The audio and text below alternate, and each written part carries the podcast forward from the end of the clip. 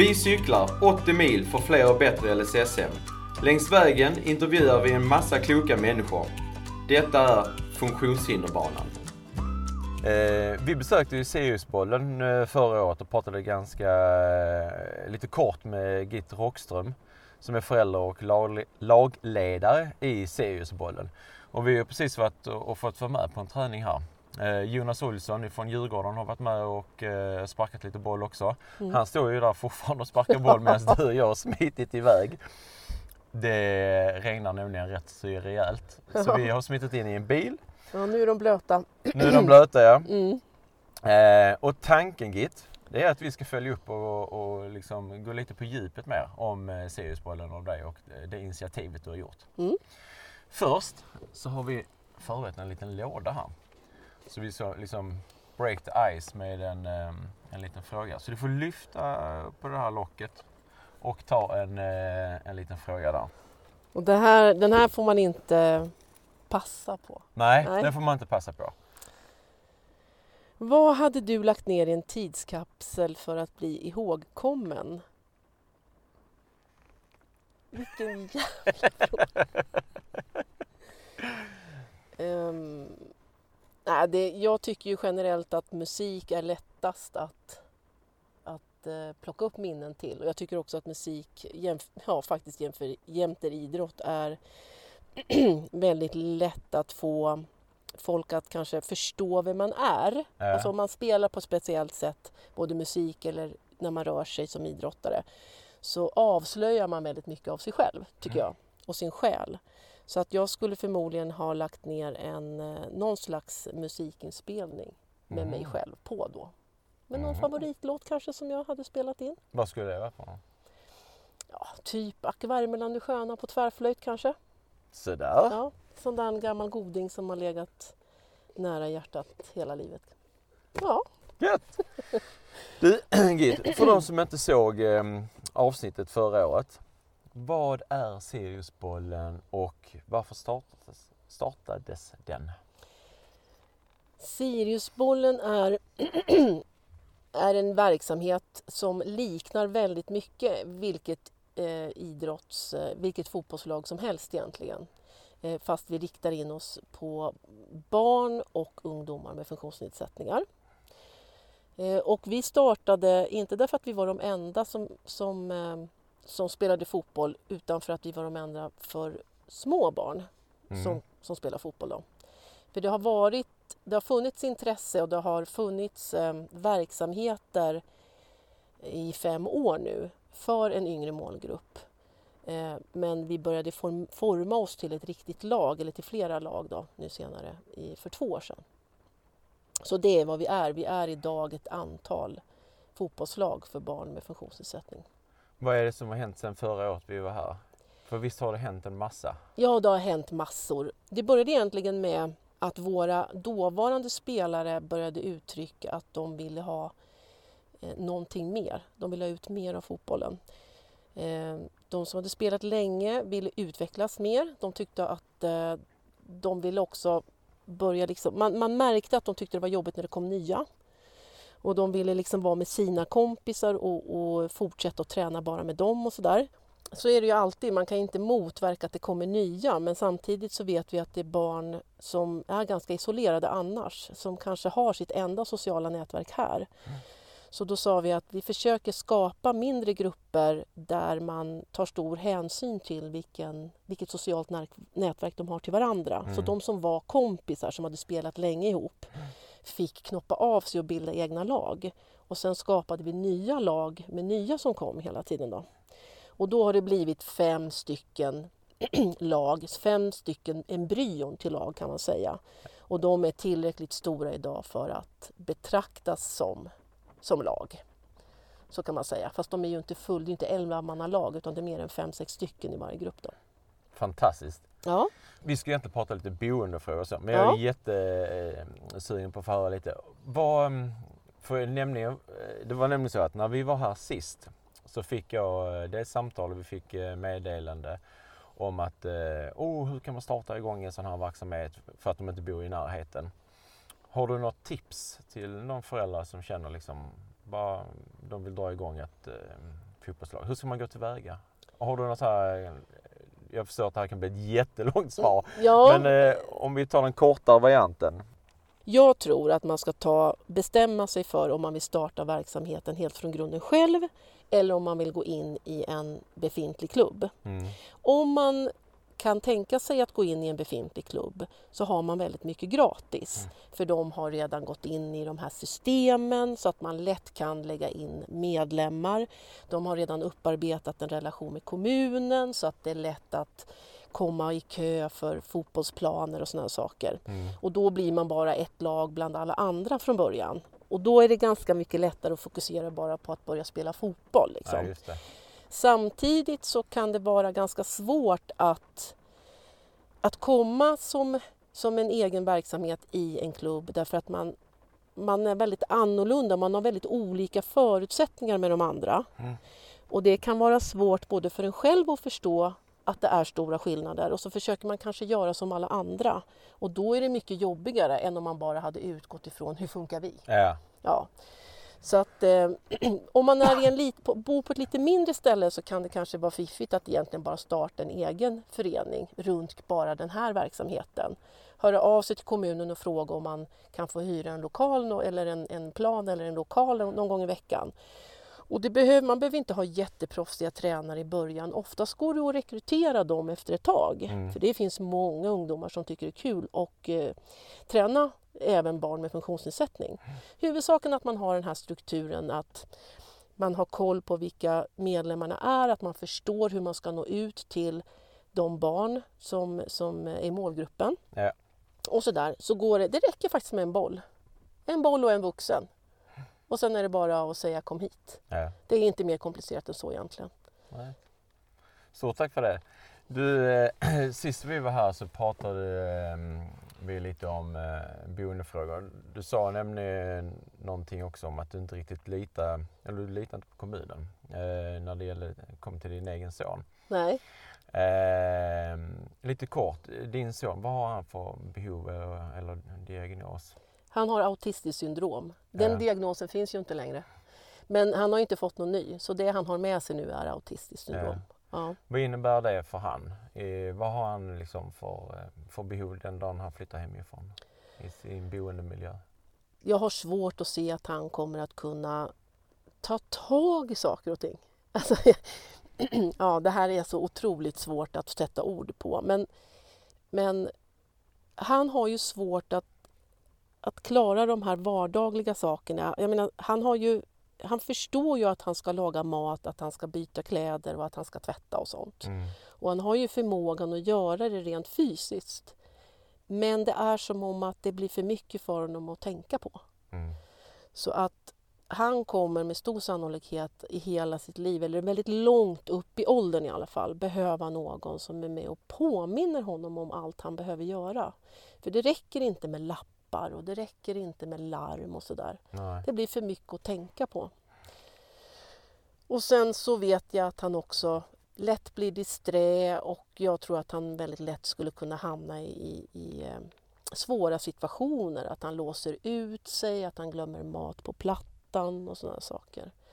Så att trots att han då inte har en intellektuell funktionsnedsättning så kommer han väldigt lång, under väldigt lång tid att behöva någon som är med och tränar honom att bo själv. Jag vet han är inte jättegammal, vad ska jag säga, för han var väl 11 förra året va? Ja, Ja, så då är han ju 12 nu ja. förmodar. Mm. Ehm, har, har ni haft några samtal kring liksom hans framtid och framtida boende? Har han några egna tankar kring det? Han säger att han, att han är väldigt orolig för den dagen. Eh, Jag vet inte om barn i den åldern är det. Det kanske är ganska naturligt att man känner att man behöver bli stor och klara sig själv och sådär. Så att jag, och jag har inga andra barn så jag kan inte jämföra hur, hur samtal med en annan 12-åring låter. Men, men eh, och kanske är det min oro som smittat av sig också. Men han pratar mycket om att han är rädd för att han ska göra fel, att han ska råka ut för olyckor.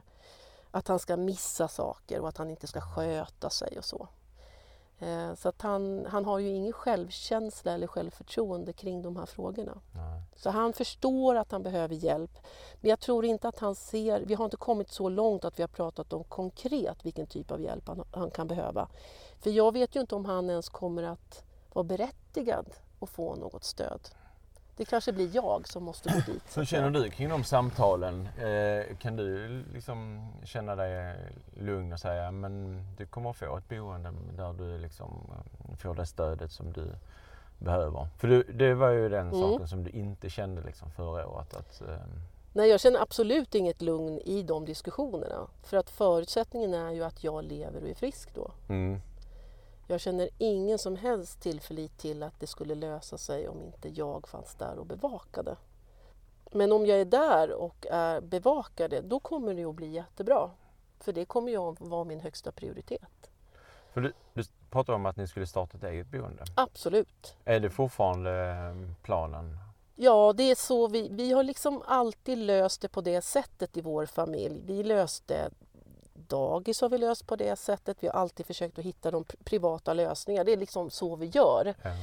Och det är kanske mycket för att vi inte heller har tålamod att följa alla de här processerna. En del människor lägger ju väldigt mycket tid på att, att ta reda på och i tid ta reda på liksom hur, hur ska vi göra, vilka instanser ska vi kontakta och var ska vi börja tjata? Och för det förstår jag också att om jag ligger på och är liksom jobbig och de känner igen det, hon med gnälliga rösten eh, då kommer jag kunna tjata mig till någonting. Så är det. Det är den som tjatar och som orkar ligga på. Men jag tycker inte att det är ett värdigt, det är inte ett värdigt sätt att leva, att tjata sig till saker och ting. Nej.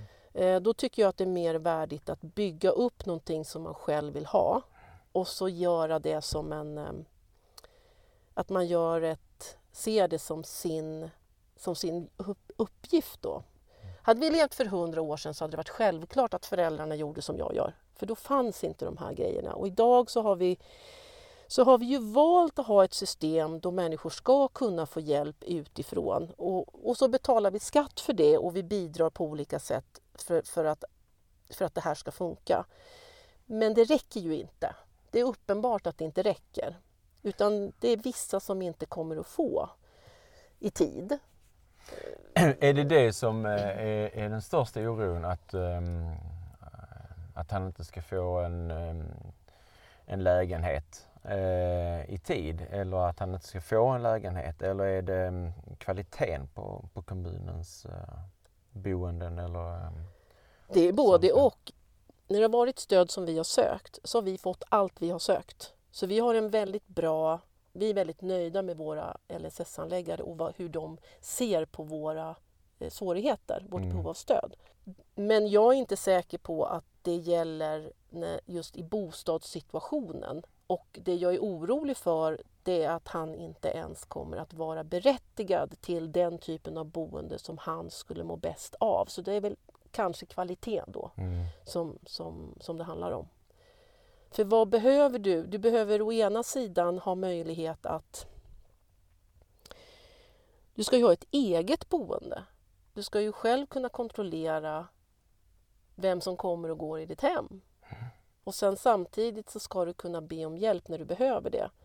Och har du då inte förmågan att formulera vilken hjälp du behöver, ja då är det någon tredje person som ska in och prata om det. mm, Och sen redan där är vi inne i en ganska konstig situation som kräver att de som är involverade i ditt liv måste känna dig jätteväl, de ska tycka om dig, de ska liksom känna för just dig som individ. Det innebär att du ska vara charmig, du ska ha någon slags viss... Du ska liksom ha dragit i lätt, rätt lott i personlighet också. Och all, att alla de här sakerna skulle fungera just för oss, det tror inte jag. Alltså det vågar inte jag tro och lita på. Utan jag tror att under hans liv så kommer det många gånger att bli så att han stöter på handläggare som inte riktigt förstår vad han behöver. Och det räcker ju med att en person, så, är, så, så ser jag det i alla fall, att det räcker ju att det finns en person i hela den här processen som inte förstår eller inte tycker som jag. Som då, där, där eh, den här behovsbeskrivningen blir, blir fel. Vad det krävs av eh, Uppsala stad för att du skulle känna dig trygg? Ja, vi pratade lite innan här om hur informationen sprids om vad man har för rättigheter. Jag mm. tycker att så som informationen ser ut eh, till en person som börjar leta den informationen är ju väldigt bristfällig. Du måste ju leta på ställen, på väldigt bökiga ställen och du måste intervjua handläggare. Det finns inte skrivet någonstans. Så jag skulle vara trygg om det fanns broschyrer och, och hemsidor där det stod så här går det till när man söker ett LSS-boende. Det här är vad som finns i kommunen nu. Det här har vi planerat ska finnas om fem år. Och så vidare. Så här ser kretsarna ut som vi vänder oss till. Till och med det vågar man inte säga. Det känns väldigt märkligt. För jag menar, vi är i ett informationssamhälle där du kan söka allting på nätet känns det som. Det ja. finns ju hemsidor och rutiner för, för det mesta. Men inom detta då så finns det liksom nada. Ja, och jag undrar om det beror på att de som verkligen skulle kunna informera om de här sakerna och som skulle kunna göra det på ett bra sätt, att de har så mycket annat som de måste göra. Att de är så uppslukade mm. av att liksom vara närvarande och hjälpa till. Så att, så att det finns liksom inte tid och kraft kvar att också kommunicera. Det kan vara så. Men sen tror jag också att det handlar om att man vill vara lite otydlig för man vill inte låsa upp sig för mycket. Jag tror att man medvetet inte är så tydlig för när man väl har sagt någonting så måste man ju hålla det då. Det känns ju som en eh, ja, som strategi. Liksom. ja, som, som samhällsmedborgare känner man sig ju inte så trygg när man tror att det är så samhället fungerar. Mm. Så egentligen är det ju inte så, så stora saker som du eh, skulle önska för att du skulle känna dig trygg. Det är ju information och ja. eh, om du skulle titta på um, det ultimata boendet för din son? Jag förstår att det kan ju ändras. Han är 12 idag och han flyttar hemifrån vid, ja, när han är vuxen. Mm. Eh, men som du, som du drömmer om just nu, vad är det ultimata boendet? Då? Jag tror att han behöver jag tror att han både skulle vilja och skulle behöva bo nära andra i sin egen ålder. Mm. Det tror jag absolut. Jag vet hur jag var när jag var ung. Jag kände mig väldigt osäker och rädd faktiskt de första åren när jag skulle bo i en lägenhet. Och jag har inte ens en funktionsnedsättning. Jag tyckte att det var väldigt skönt att vara nära andra. Mm. Så då tänker jag mig att så skulle vara, det var, skulle vara skönt för honom också.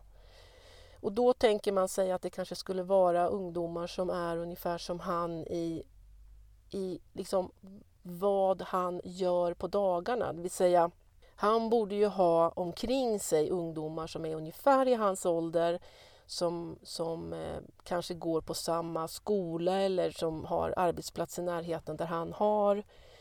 Eh, där de inte nödvändigtvis måste umgås hela tiden men där, det, där de får hjälp med och att det, liksom, att det uppmuntras att de umgås lite också med mm. varandra.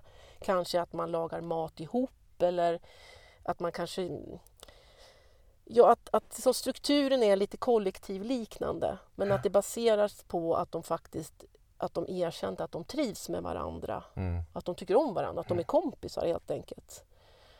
Skulle det kunna vara klasskamrater som man har växt upp med? Till exempel, till exempel mm. sådana saker. Är det möjligt i kommunen? För många gånger så är det när man är klasskamrater eh, vad vi har fått höra i alla fall, så är det att eh, om man då trivs med varandra och så vill man gärna bo tillsammans. Men så blir kommunen ett hinder för man säger att ska du byggas ett här så står det andra som står på kö för till exempel. Att man inte hamnar rätt i kölistan hos kommunen. Är det så det kan vara? Ja. ja.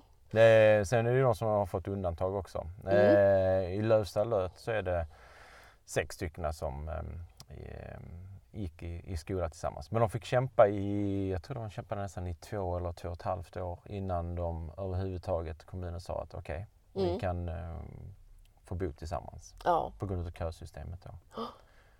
Vad jag inte förstår, det är att det ska vara så svårt att bygga LSS-boenden som är liksom inte dyrare eller speciellt tekniskt svårare att bo i än andra hus. Det mm. handlar ju bara om att att man tänker till lite innan. Men mm. inte behöver det väl vara särskilt mycket dyrare för många funktionsnedsättningar kan jag tänka mig. Utan att man tänker till lite bara. Mm. Och det där blir ju det blir så larvigt då om man ska behöva stå i kö för ett boende som inte har så speciellt mycket Det är inget specifikt med boendet egentligen. Är det så att man, är det, det måste jag faktiskt fråga, är det så att det ingår, i, om man har ett, ett koncept, är det så att liksom personalen ingår alltid då? Om man tittar på som en, i en gruppbostad Ja, så är det så. Då är Ja. det personal eh, dygnet runt. ja, Klassiskt så är det liksom sex stycken lägenheter, ett gemensamhetsutrymme och personalutrymme. ja okej. Och Mm. då blir det ju dyrt för då köper man hela, då står man i kö för en hel lösning. Ja, då har man det behovet eh, att, eh, som gör att man behöver ha tillgång. Liksom, Ja. eh, att kunna få support. Ja. Eh, Och då är finns- det bristen på de boendena som gör att det blir de här konstiga köerna. Ja, Ja, det är ju brist i 54 procent av landets alla kommuner. Ja. Vilket är helt sjukt. helt sjukt. För det är ju inte så många. Det är ju inte så många av befolkningen.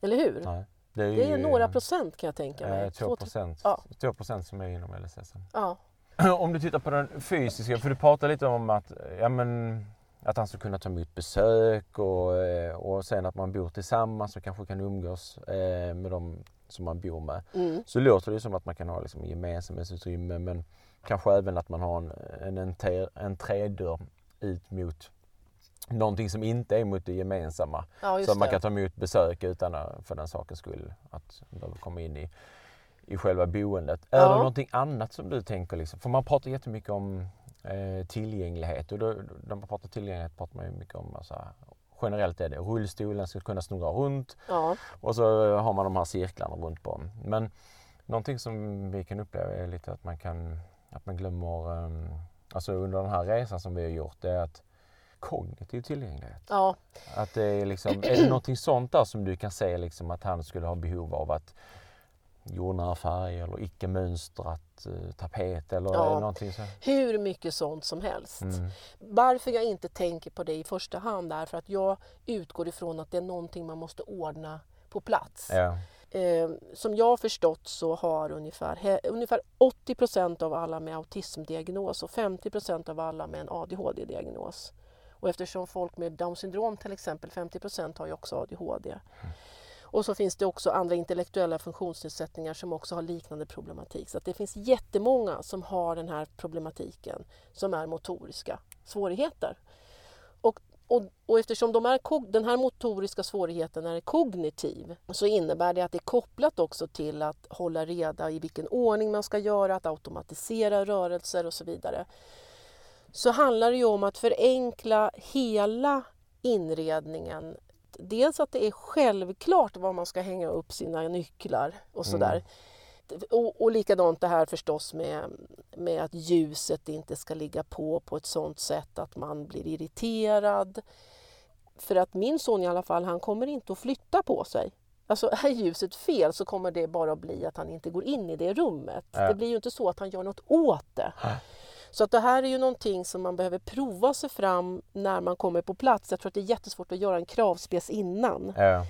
Men, men jag tror samtidigt inte att det behöver vara dyrt utan än en gång så handlar det ju om att man som tänkt hyresgäst är med när inredningen görs. Det är ju Jag sitter och där. nickar här men det är för att jag håller ju håller med mig, ja, jag ja. håller ju ver- verkligen med dig. Ja. Och Det är ju inte så, oftast är det inte så komplicerat. Nej, exakt. Om Utan- man bara får vara med från början. Ja. Ja. Hur ser du, ehm, du har sagt det lite, men eh, rent så här generellt liksom, hur ser du på framtiden? Ehm, Kommer du fortsätta? För jag hör ju på dig liksom, du engagerar dig jättemycket. Du berättar lite också genom att du, när vi riggade upp här liksom, att eh, du hade koll på ljud och så för att eh, din eh, son ville spela i ett band och då fick du lära dig det själv för att det fanns inte tillgängligt Nej, eh, på ett annat sätt och så. Så ehm, du får ju verkligen liksom kämpa i vardagen hela tiden för att Mm. han ska få samma förutsättningar som, som alla andra. ja. Vad- hur ser du på framtiden? Kommer du få fortsätta göra det liksom? eller, eller, eller känner du att det blir bättre på något sätt? Jag tror ju att så här är det, att vi som har... Jag, jag vet ju ingenting om hur det är att ha ett barn med till exempel Down syndrom. Jag tror att det är väldigt stor skillnad på vad man får lära sig som förälder på habiliteringen, vilka metoder de använder för att träna sina barn. För deras barn måste ju träna också så väldigt mycket extra. Mm. Eh, om, man, om man har fokus på eh, autism till exempel så lär man sig ju redan när barnen är ett år att, att förutsättningen för att kunna bli mer självständig är att man tränar mycket mer än andra barn. Ja. Det är ju det som är grejen. Mm. Man börjar ju med den här eh, intensiva eh, träningen som vi kallade för bordsträning då. Den började vi med när vår son var två år gammal och då satt vi 40 timmar extra i veckan utöver vanlig förskola och så vidare och tränade in färdigheter. Och dels så lär man sig ju som förälder så blir man ju en pedagog och då lär man sig hur man ska tänka för att den här kunskapen ska bli generaliserad, för att den ska bli systemisk, för att den ska leda till eget lärande på sikt. Så jag märker ju att min son han behöver li idag lika många timmars träning extra som han gjorde när han var ett. Mm. Men jag ser också att mycket mer av den träningen kan han ta ansvar för själv. Så han utvecklar ju sakta ett, ett sätt att bli självständig och ta ansvar för att lära sig sånt som andra lär sig automatiskt. Så att jag tror att just när man har autism eh, så tror jag att man har den fördelen just för att man, har en också, man kan också ha vissa styrkor som man kan utnyttja. Eh, som man också drar väldigt stor nytta av när man tränar. Och, och därför så känner jag att eh, många av honom och, många av, av, hans kompisar och han har den fördelen att de faktiskt blir mer och mer självständiga och de utvecklas liksom mm inte linjärt utan utvecklas faktiskt exponentiellt efter att de blir mer och mer, alltså att hjärnan helt äh. enkelt har mer koll, man har fler valmöjligheter och man blir mer flexibel och så. Så jag har väldigt goda eh, jag, jag, tror att det kommer att gå jättebra för min son men jag tror att han kommer att behöva betydligt fler år på sig att komma till den nivån att han är som en vanlig 20-åring. En vanlig 20-åring vill flytta hemifrån, vill prova sina vingar, kommer att vara utan pengar, kommer att fästa upp Alma de första åren och, och alltihop det där. Och det, den fasen måste man få gå igenom. Men jag tror att min son kanske kommer att gå igenom den långt senare. Ja. Eh, men jag tror att han kommer att kunna gå igenom alla de här faserna. Så att alla de här sakerna som jag gör, gör jag ju för att bygga upp som ett nätverk för honom där han själv ska kunna göra alla de här misstagen. Mm. Eh, så, så det tror jag. Däremot så tror jag att om man dessutom har en intellektuell funktionsnedsättning då tror jag att man har en helt, helt andra förutsättningar som är väldigt svåra att sätta sig in i. Mm. Som inte, där kan man inte förvänta sig samma liksom, exponentiella förändring. Nej. Nej, och du kan ju bara prata utifrån Jag kan ju bara prata ifrån mm. min, min son, ja. ja. Men det hörs som eh, att du eh, ser på framtiden med eh, glädje? Absolut! Och jag tror att Siriusbollen var det första projektet som jag var engagerad i som blev lyckat. Där vi fick ut någonting positivt utav allt vi la ner. Ja. Så det är ett bra exempel på när någonting, när man får payback. Jag tycker ni har gjort det fantastiskt kul, eh, bra och det har varit jättekul att vi fick vara här förra året och det är jättekul att vi har fått komma tillbaka nu igen. Ja. Eh, innan syret håller på att ta slut här inne i bilen känner jag. Så innan vi ska avsluta. Mm.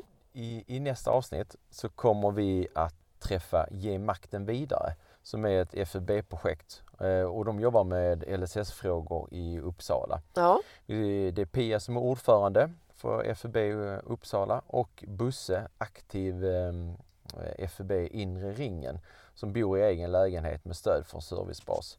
Har du någon fråga som du skulle vilja, eller rättare sagt, jag skulle vilja att du skickar vidare en fråga till dem? Så här, jag har ju hört talas om dem.